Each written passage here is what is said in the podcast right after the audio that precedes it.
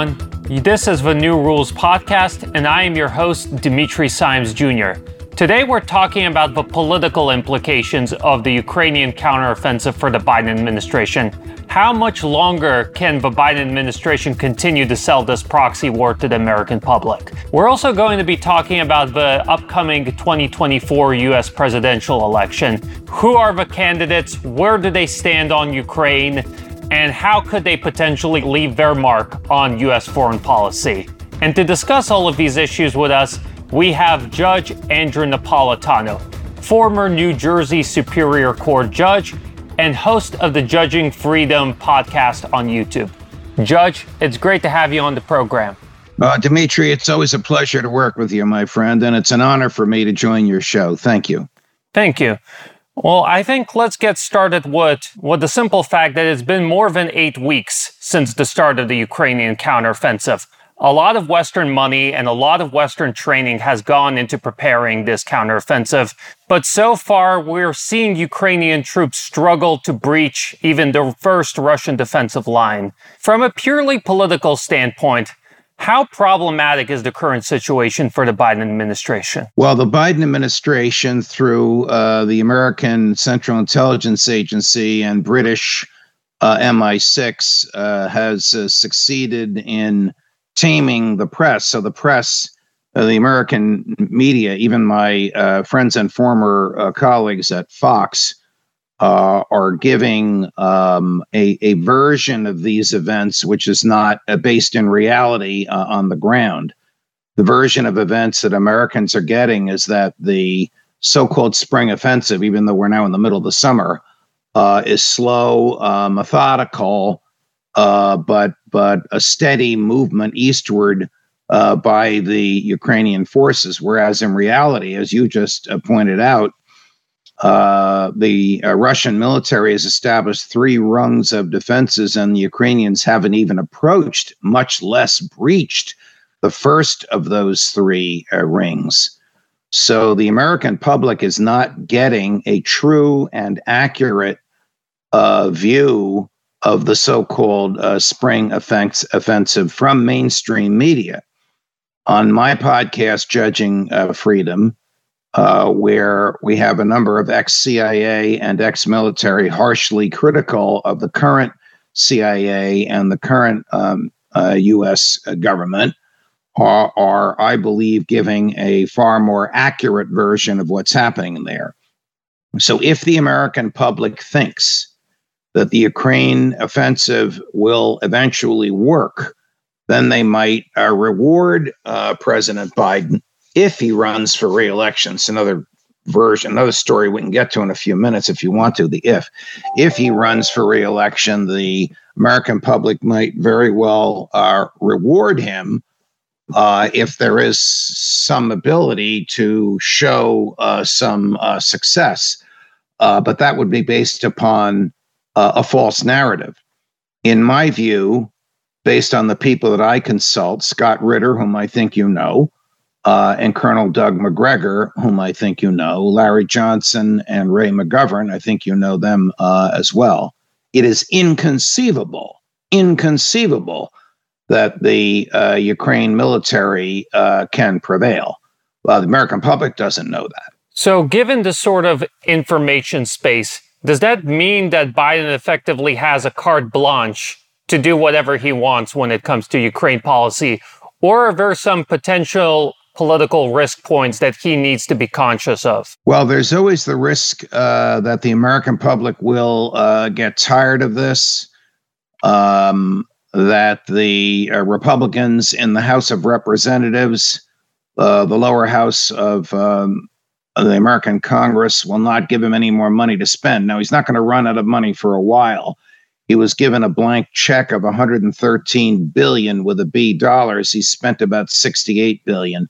That money was given to him in the last Congress when the Democrats uh, uh, controlled the House and the and the Senate was a tie. Now the Democrats control the Senate and the Republicans control the House by just uh, a couple of votes. So the point is, he he has enough money to spend however he wants in the next few years. But I do think uh, that his NATO partners uh, are getting very uh, impatient uh, with the progress of the war. Joe Biden cannot articulate what the goal of the American military involvement is. They think they can use Ukraine as a battering ram to drive President Putin from office. They're crazy. It's not going to work. Joe Biden does not have an off ramp. He doesn't have the ability to say, "Okay, we've we've succeeded. It's time for us uh, to stop." There's no goal and there's no off ramp. His, his internal goal is to run for reelection as a wartime president, like his hero Franklin Delano Roosevelt did in 1940. Uh, but this is not uh, a war like uh, World War II. This is not a war that the American public perceives as a threat to American national security. Oh, the politicians will argue that. But they're so tied up at the military industrial complex that, you know, you have a majority in the Congress, Republicans and Democrats that like all wars uh, because it enriches uh, the military uh, industrial complex and keeps people working in the factories. I guess that begs the question what is Biden's end goal then in Ukraine? Because you mentioned the fact that he wants to position himself as the second coming of FDR. And on the economic side of things, he's definitely made that illusion. But what about Ukraine? Because when you look at both the English language sphere, the Russian language sphere, one thing that I'm stunned by is by the fact that people don't seem to truly have a consensus on what Biden wants. Does he want Russia's total military defeat? Does he want Ukraine into NATO? What is Biden's end goal here? Does he have any sort of coherent end goal at all? He has not articulated a coherent uh, end goal. Uh, the neocons uh, around him just love the concept uh, of war, uh, particularly war uh, against Russia, particularly against Russia while Vladimir Putin uh, is uh, in office. Uh, the people that are making these decisions, uh, Victoria Nuland, the number three person in the Department uh, of State, um, uh, Tony Blinken, the Secretary of State, Jake Sullivan, the National Security Advisor, these are notorious haters of Vladimir Putin and believers that somehow Ukraine can be used to drain the Russian military and thereby drain President Putin's uh, political uh, standing uh, with the uh, Russian people. What they don't understand is that President Putin is enormously uh, popular, that he's fighting a patriotic war for a return uh, of land for which there is a valid legal argument, has always been a part of Russia, culturally a part of Russia, linguistically a part of Russia. but the American public doesn't get this uh, argument in the mainstream media. In the mainstream media, Putin's a monster, Russia is evil, and it's time for us to uh, smack them down. You know, Judge, when I was a young reporter in Washington, D.C., I remember writing about U.S. involvement in Syria. And the thing that sort of surprised me the most was by how incoherent the whole thing was, because the Pentagon had one set of objectives the State Department had a second set of objectives, and the White House wanted something completely different. And so, looking from the outside, I can understand why people thought that the United States was playing some sort of sinister chess match. But when you started looking into the details, it turned out that this was sort of a messy fight between different interest groups in the government. Is it fair to say that we're seeing a similar dynamic when it comes to Ukraine? That there is no strategy, there is no coherent plan. It's everyone trying to pull the blanket over onto their side of the bed. Uh, you you could you could make that argument, Dimitri. I mean, there is a 21 year old uh, young Massachusetts National Guardsman uh, sitting in a federal uh, jail cell as we speak, named Jack Teixeira uh, who accused of uh, leaking secret documents to which he had access by virtue of his work in the National Guard to a to a chat room. The documents, the authenticity and accuracy of which have never been challenged by the government, reveal the government's own internal deliberations as showing it expects Ukraine to lose. To lose. So if the Department of Defense expects uh, Ukraine uh, to lose, and the Secretary of Defense goes before a Senate committee and says under oath Ukraine is going to win, well, who are you going to believe? Uh, you're going to believe their candid, unvarnished statements recorded in documents that they believed would forever uh, remain uh, remain secret. I, I point this out because I believe that these people that expose uh, secrets are American heroes and American patriots because the public has the right to know what the government is doing, particularly when it's involved in killing people. Is this on the front pages? No.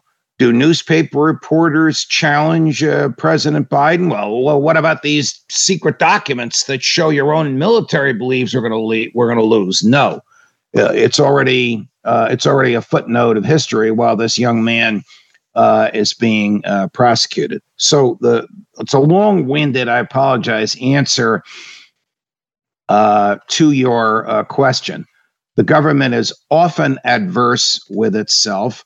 The government often has different goals depending upon uh, to whom uh, you speak, uh, but they are invariably political goals tied to the needs of the president. This president needs to get the minds of the voters uh, off his terrible stewardship uh, of the federal government and he thinks he can do so by rallying them uh, around uh, this war. I don't think it's going to work. I want to play devil's advocate, Judge, because I read often what uh, Mark Milley, Jake Sullivan, other high prominent members of the administration say, and that they say that this is a conflict that the United States has no alternative to be involved in because this is a conflict for the future of the rules based liberal international order.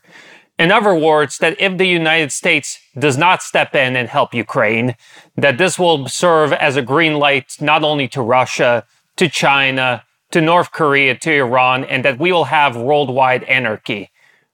Why do you doubt the sincerity of this concern? Because there's no uh, American national security uh, interest at stake, just like there's no American national security interest at stake uh, in Syria. I mean, how would the United States even decide uh, which war uh, to fight, which monster to slay, which battle to engage in if it thinks it can go around the world uh, being the world's uh, policeman? I mean, who is the United States to tell Vladimir Putin uh, what the uh, world order is?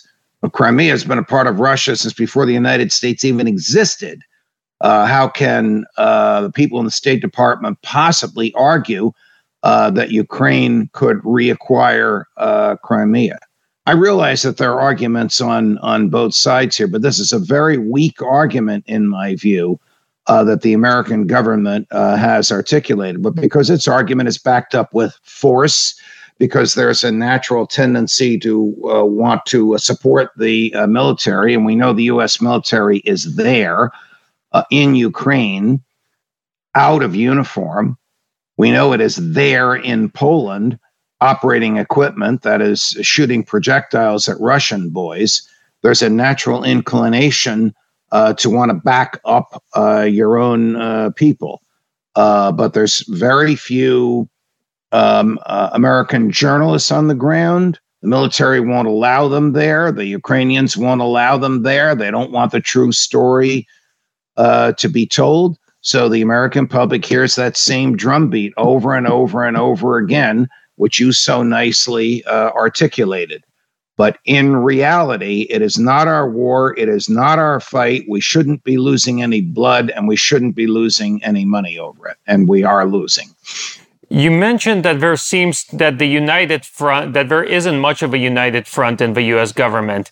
One thing that I couldn't help but notice over the past two weeks or so is that a growing number of mainstream media outlets are also coming out and releasing pretty unflattering reports about Ukraine's situation on the front lines. You see Washington Post, Wall Street Journal, New York Times publish interview very candid interviews with Ukrainian soldiers where they talk about how this counteroffensive is not exactly going to plan how much weight should we put into this seeming change in the media's tune?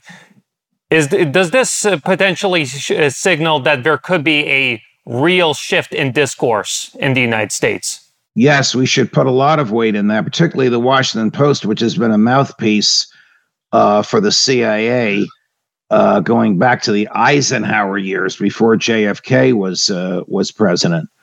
Uh, if the Washington Post is beginning uh, to um, uh, publish reports uh, unflattering towards the Ukraine military, then the CIA is authorizing or or or feeding the Washington Post reporters those reports uh, because the president uh, or the CIA uh, is looking for an off ramp. It would be it's it's very telling uh, that that uh, is beginning uh, to happen.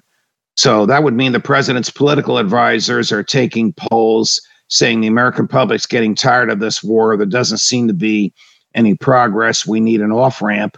The off ramp is not going to come all at once. The off ramp is going to come gradually and slowly uh, with the American public acclimated to the coming off ramp.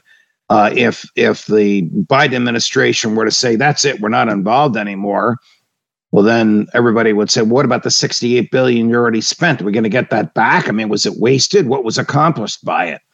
So, in order to prevent that kind of a blowback, they need this gradual acclimation to the likelihood of Russian success and Ukrainian defeat. What do you think made Biden consider the potential of an off ramp? Because we heard his rhetoric for, for more than 16 months. He said that we're going to support Ukraine as long as it takes. Uh, why do you doubt these uh, promises? Why do you think that Biden is now looking to not support Ukraine as long as it takes, but to look for a way to get out of this conflict? What could be his motivation? If you ask him, as long as it takes to do what? he can't answer the to do what as long as it takes to produce a stalemate as long as it takes to produce a ceasefire as long as it takes if you ask victoria Nuland, to drive president putin from office. I mean they can't they can't answer uh, that question. And eventually the american public whose attention span is short uh, will get uh, sick and tired of this now, amongst the uh, candidates for president, uh, only Donald Trump and RFK Jr. Uh, are against the war. Everybody else, everybody else is lockstep uh, in in favor of it for a variety of what I think are nonsensical uh, reasons. Um, the American public seems still to be in favor of the war. Again, they only hear the one side. Trump is basically uh, running for reelection against the Department of Justice more so than against Biden's uh, foreign policy. And Bobby Kennedy is yet to start uh, aggressively uh, campaigning. We'll see what happens when they do. You know, one potential obstacle to Biden seeking an off ramp, at least in my view, is the US Congress. I just want to give our audience members two recent quotes. One is from US Senator Jim Risch who is the top Republican on the U.S. Senate Foreign Relations Committee. Here is what he said at the Aspen Security Forum uh, last month. I am tired of hearing about escalation. Stop talking about escalation. If you don't escalate, you're going to lose. And he said that he wanted to see the United States give Ukraine all weapons short of nuclear weapons. The other quote that I want to put is the other top Republican, this time in the House of Representatives, Michael McCaul. Here's what he said also last month. Uh, Every American likes to bet on a winning horse. But if the Ukrainians are not successful in the counteroffensive, I think it is going to greatly damage the morale not only of Ukrainians, but the will of the American people to support this fight. And the longer it drags out, the worse it gets. That's why I keep calling on the administration to give the Ukrainians everything they need. Do you think that if Biden does try to shift his strategy, he would be able to get this initiative passed through the House of Representatives through the Senate? Well, the only reason for him to go to the House of Representatives or the Senate is either to put American boots on the ground, and then you're talking World War III, uh, uh, or to increase his blank check above 113 billion. And depending upon whose calculation you you follow uh, he's only only spent 68 billion. So i mean he needs the support of congress because he wants statements like the ones you just read floating around capitol hill but he doesn't need to go to congress for any kind of a vote as i said other than boots on the ground or money above and beyond uh, the 113 billion. Um, he can't send uh, Ukraine everything they want because much of what they want can't get there until the war will be over. The so-called F-16s it takes a year and a half uh, to train people to to Ukrainian uh, pilots, no matter how smart they are, to fly F-16s. First, they have to unlearn how to fly what they're accustomed to flying. Then they have to learn anew how to fly uh, the F 16s. And if the F 16s are capable of carrying weaponry with nuclear uh, warheads, again, you're, uh, you're risking uh, World War III. I think you're risking World War III with the cluster bombs. I think uh, Joe Biden's being extremely reckless. But back to these two.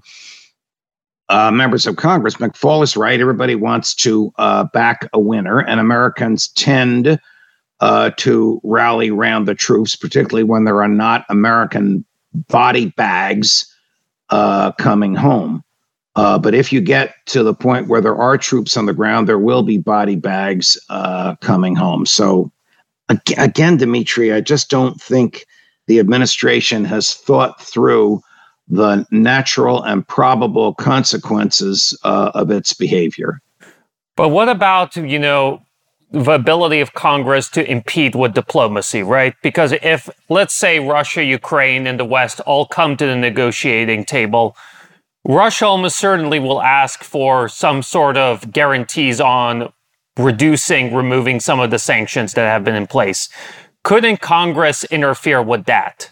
Well, yes and no. I mean, Congress can um, uh, vote to negate the sanctions, but that would require a two thirds vote uh, in both houses, effectively overriding uh, a Joe Biden veto. I mean, Congress made the, the mistake uh, in the FDR years of giving the American president the authority uh, to impose sanctions, even those that violate the, the Constitution by seizing property uh, without uh, due process.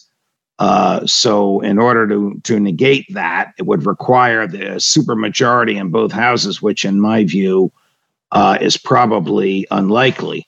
Uh, on the other hand, uh, if Biden were um, to dispatch his uh, diplomats to negotiate some sort of a, a global, a universal uh, ceasefire, I would think it would have to result in a demilitarized, non NATO uh, Ukraine, a cessation of um, hostilities a recognition uh, of the four eastern uh, Ukrainian provinces as being properly, legally, morally, and historically uh, Russian, and then the removal of the uh, sanctions. I don't know that that's going to happen under this president.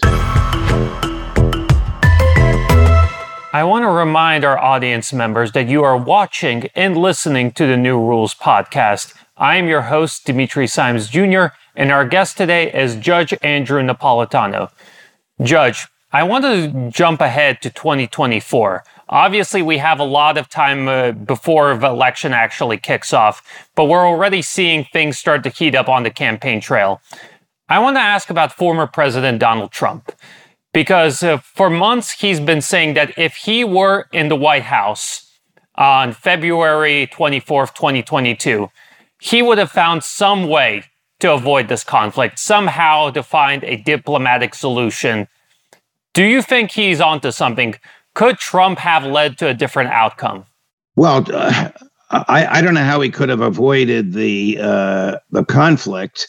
I, I, think he would not have uh, shipped 68 billion in in cash and military equipment over there. uh, even if the Congress uh, wanted him to. Again, it would take a two thirds vote of Congress to override a presidential veto.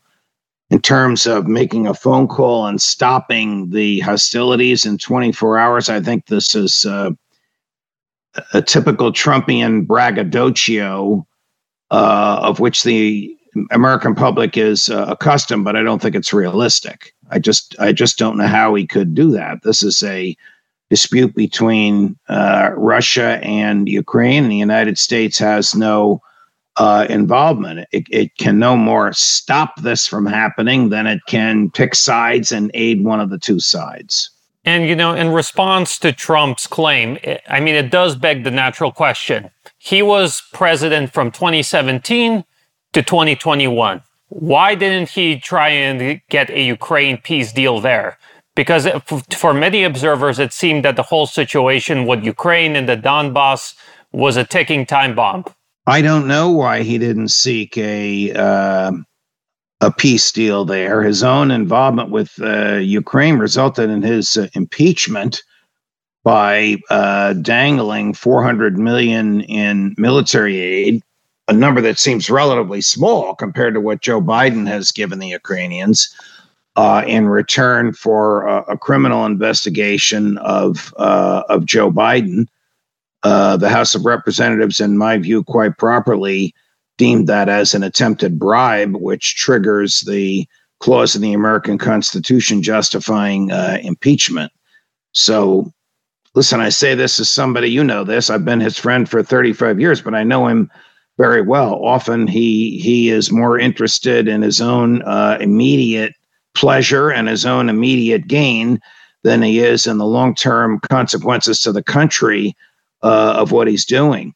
I don't think he viewed uh, Ukraine as a potential hotspot that needed to be cooled down. I think he viewed it as a, an instrument uh, to tarnish his likely and eventual uh, and eventually triumphant uh, opponent in 2020. Uh, in the spirit of fairness, though, even if Trump had a clear idea of what he wanted to do to Ukraine. I'm not sure he would have been able to get it done given the political atmosphere when he was in the White House. I still lived in Washington, D.C. when Russiagate was at its peak. And I won't hesitate to say that there was genuine hysteria when it came to President Trump and anything having to do with Russia. You saw major media outlets regularly call Trump a traitor, a Russian, a Kremlin stooge. And I'm not quite sure that even if he had, you know, the sort of coherent game plan, I don't. I'm not sure who would let him execute it.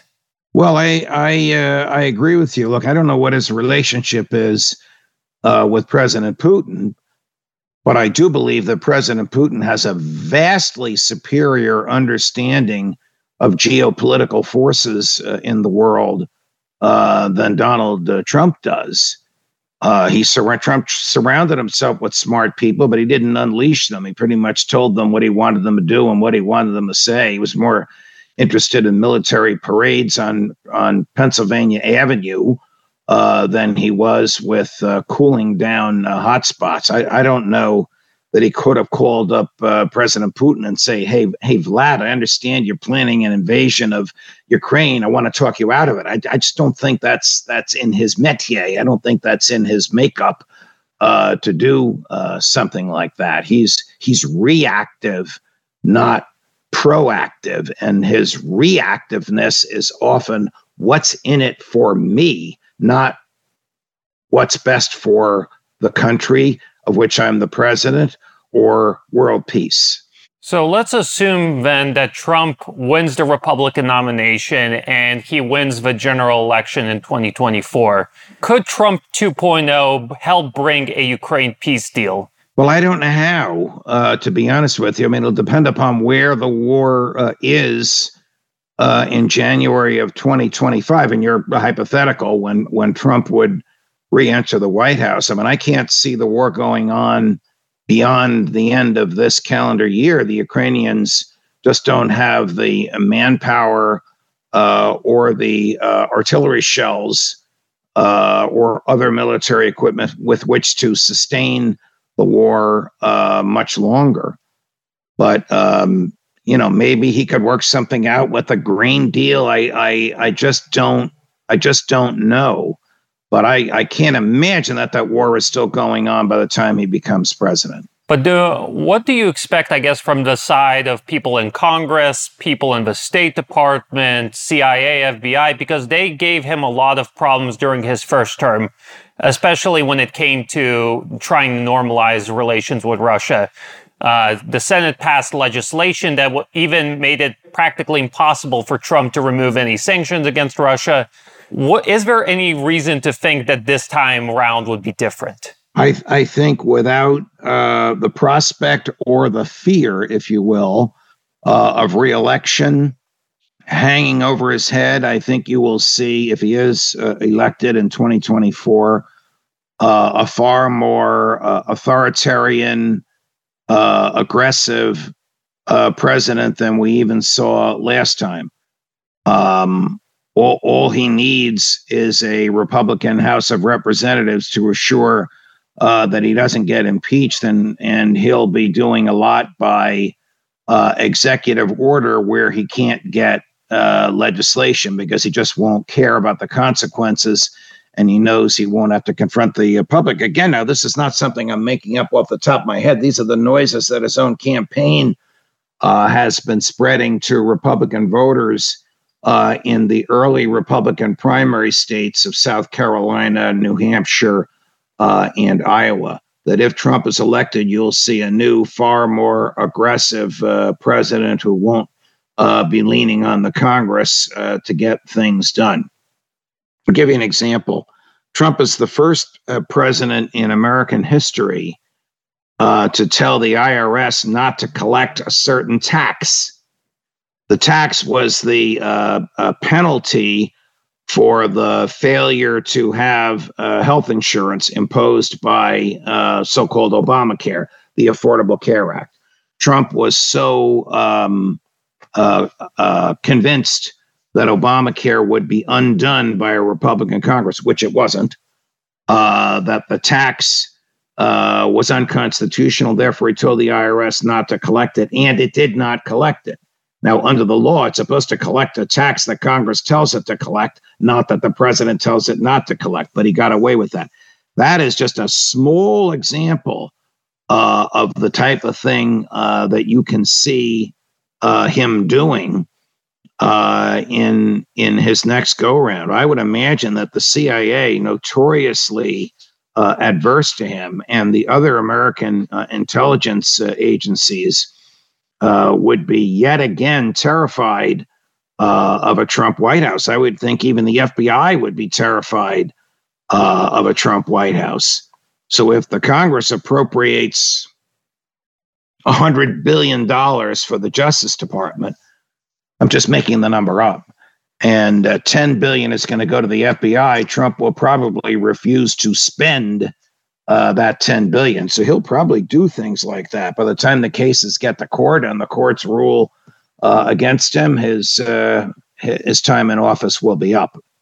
That's the message his people have been sending to the the Republican base, the hardcore Republicans that always vote in the primaries uh, in those first three states: New Hampshire, Iowa, South Carolina.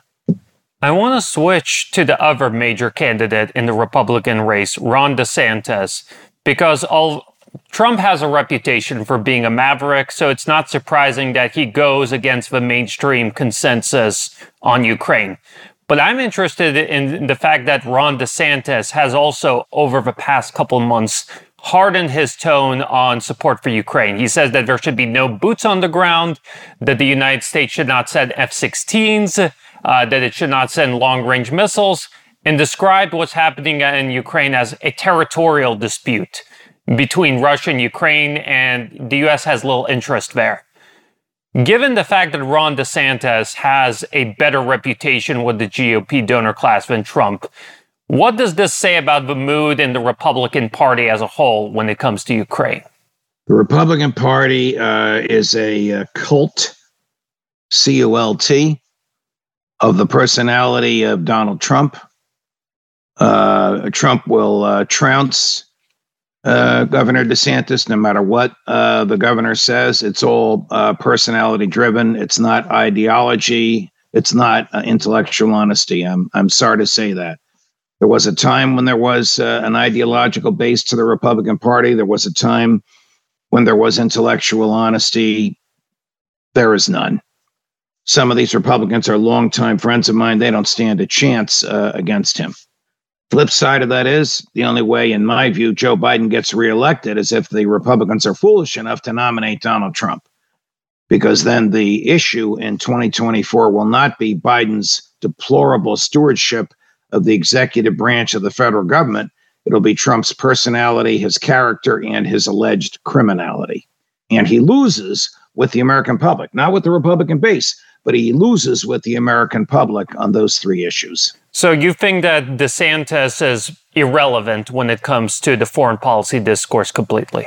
I wouldn't say irrelevant uh, because um, when he does articulate the view that this is a territorial dispute between Russia and Ukraine in which the U.S. should have uh, no interest, he he uh, he heartens those of us uh, who uh, agree with him uh, and he uh, gives some quarter to Democrats uh, who agree with Joe Biden. But I think it is irrelevant in the Republican primaries. I just don't think there's anything that DeSantis can do to boost his numbers in the Republican primary. Now, look, anything can happen. One of these indictments could result in a in a con- conviction. Anything can happen at a criminal trial. Uh, Trump is notoriously undisciplined. Uh, Trump had an interview with my friend and former colleague Bret Baier uh, about a month ago, during the course of which he almost totally unraveled and really didn't know what he was talking about. He since has recovered from it. But if something like that were to happen while he's under oath on a witness stand in a federal criminal trial in which he is the defendant, it could have a catastrophic effect on his viability as a candidate. I want to shift to the dark horse in this race on both sides of the aisle, and that's uh, Robert F. Kennedy Jr., because there's a lot of enthusiasm online for him. He has a lot of fresh and interesting ideas, especially he's been very candid in his criticism of the Biden administration's policy towards Ukraine. But I have to ask is he electable, even when we just look on the issue of Ukraine? Uh, Robert F. Kennedy Jr. is opposed to additional aid to Ukraine. By contrast, a recent poll from the University of Maryland said that 57% of Democrats believe that the United States should support Ukraine as long as it takes. Isn't that a deal breaker? I don't know. I, I got to start, Dimitri, by telling you that he's a friend of mine and I am extremely fond of him. And from time to time, uh, we do uh, speak with each other. You know, I am not a Republican. I am a libertarian. Uh, in the Jeffersonian model, that government is best which governs least. And a lot of the things that Bobby Kennedy says uh, uplift the hearts of American libertarians. On the other hand, he's still a Democrat. He's still a Kennedy. He still believes uh, in um, a federal government that's in your face, uh, so to speak. Is he is he electable? he might be electable as a third party candidate. I don't know if he's going that he's going to get the Democratic uh, nomination. Uh, and a third party candidate in America is very, very difficult to get on the ballot. You got to get on the ballot in all 50 states. Each state has its own rules. It can take up to a year to uh, achieve that, meaning if you want to be on the ballot in November of 24, you have to begin that process now in the summer of uh, of 23. I'm sure that uh, Bobby uh, understands that. Joe Biden's not going to sit down and debate with him because he can't debate. He's not going to sit down and debate with whoever the Republican nominee is. So it's hard for me to say. I mean, Bobby will achieve a fundamental positive good by raising issues that nobody else uh, will raise. The government was without authority to shut us down during vaccines. Uh, the vaccine was not a vaccine, it was just a palliative to make you feel good. It didn't stop you uh, from getting sick. The government lied, and its lies uh, need to be uh, exposed.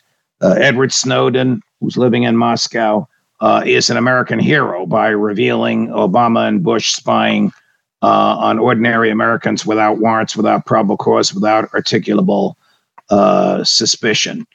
Uh, the Ukraine uh, war is none of the American uh, public's business. All of these things he says with great clarity and and forcefulness. Is it enough to get the Democratic nomination? Probably not. But is it possible within our lifetimes that we will see another anti war Democrat take the party's mantle? Because it does seem that the Democratic Party has been so captured by liberal interventionists, Russia hawks, that it's simply inconceivable that someone of Bobby Kennedy's views could ever become the party's nominee again. Or am I being too cynical and unfair here? No, no, no. I think you, as as usual, uh, my dear friend, you have your pulse or your finger on the uh, pulse uh, of the American public. Even though his last name is Kennedy, even though that gives him a guaranteed base of voters of ten to fifteen percent who have nostalgia for his uh, father and his uncle.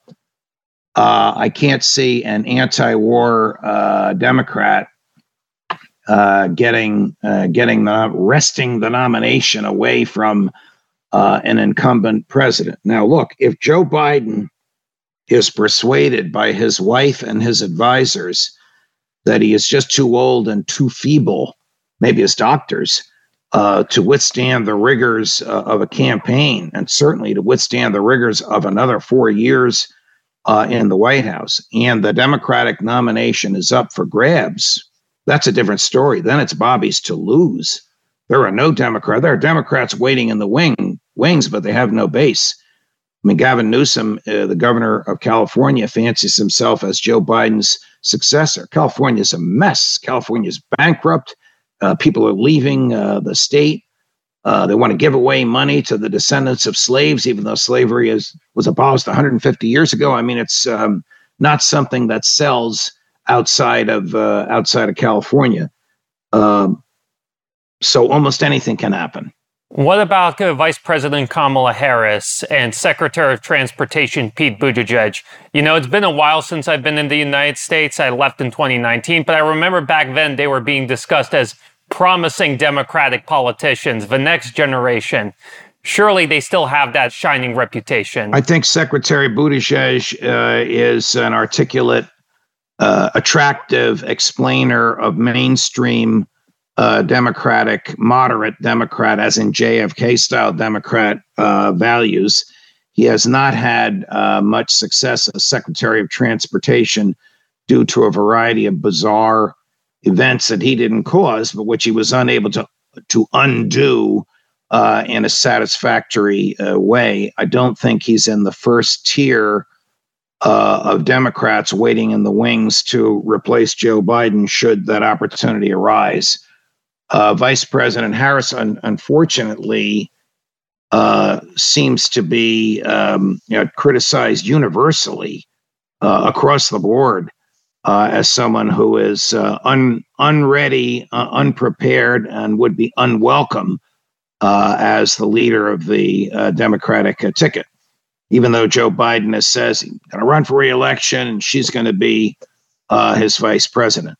Look, Joe Biden cannot get reelected uh, without 80% of the vote uh, of African Americans. And he apparently believes uh, that having an African American female on his uh, ticket as his running mate uh, will help him reach that 80% threshold number but her heading the ticket would be a catastrophe for the Democrats. We started off this conversation talking about the role of the media.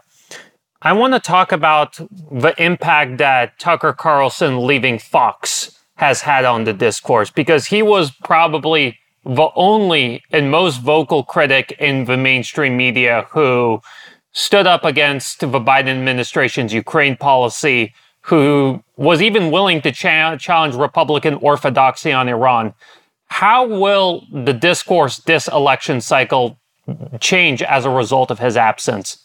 Well, he might not be uh, absent. You know, I, I, I have to say, he's my friend and uh, former colleague, and we work together at Fox, and I have a great deal uh, of uh, respect for him, and I agree with him on many, many uh, of his uh, arguments. Um, I, I was asked by the New York Times what I thought of Fox firing him. Now, I've been reluctant to criticize Fox at all since I left, but I did say firing Tucker Carlson because of his private tweets, like the 1927 Yankees firing Babe Ruth because of his table manners. I mean, it's just ridiculous. He's the king of the hill and puts, you know, four million pair of eyeballs on the screen uh, every night. There isn't a commentator in the country who can produce uh, those kind of numbers. He he, I think, will still have an influence in this election. It won't be from Fox. It will be uh, from some new perch that he will develop after he resolves his legal uh, issues with Fox. Fox takes the position that he has not been fired, that he has just been benched. Uh, that he's still their employee and they still pay him. They're just not putting him on air. And pursuant to a contract he signed with them, which doesn't expire until January of 25, he cannot go on uh, air other than Fox. He's taking the position that he has a First Amendment right to go on air wherever he wants. Now, I don't know if he's accepting the uh, compensation from them, if it's being put in escrow, or if they've stopped paying him. I don't know uh, the answer to any of that. But I do know that when he speaks, a lot of people listen, and he's uh, sorely missed. I want to remind our audience members that you watched and listened to the New Rules podcast. I'm your host, Dimitri Simes Jr., and our guest today was Judge Andrew Napolitano. Judge, where can our audience members go to keep up with your work? Well, my podcast is called Judging Freedom uh, on YouTube. That's probably the most popular uh, place to get it. Uh, it's uh, an anti war, anti state pro peace, pro maximum individual liberty uh, website, even though I am a former judge and a constitutional scholar. I've written 10 books on the American Constitution. Uh, I have become the lightning rod uh, in American uh, podcast media for anti war, anti CIA, anti Defense Department arguments. Uh, and this uh, website or this podcast uh, attracts people that are that want to know more about that, and it attracts uh, guests who can uh, articulate those views. Uh, so it's a podcast that things are always posted. We do about three or four fresh videos a day. We have um, 180,000 subscribers. We reach about two and a half million uh, viewers uh, a week. I'm deeply gratified by all this, and I would encourage your people. We're very popular in Russia, as you know. I would encourage uh, the viewers of this great podcast to take a look at mine uh, as well. Well, look at it. Dimitri Simes Jr. and Judge Napolitano, who have never met in person, are good friends. Well, that's the power of the internet for you. And if you want to keep up with our podcast, the very thing, first thing you should do is like this video and subscribe. Additionally, you should check out our website, our Telegram channels, there are two of them, uh, our Twitter page, and much more, all in the description below. Thank you so much for tuning in. Till next time.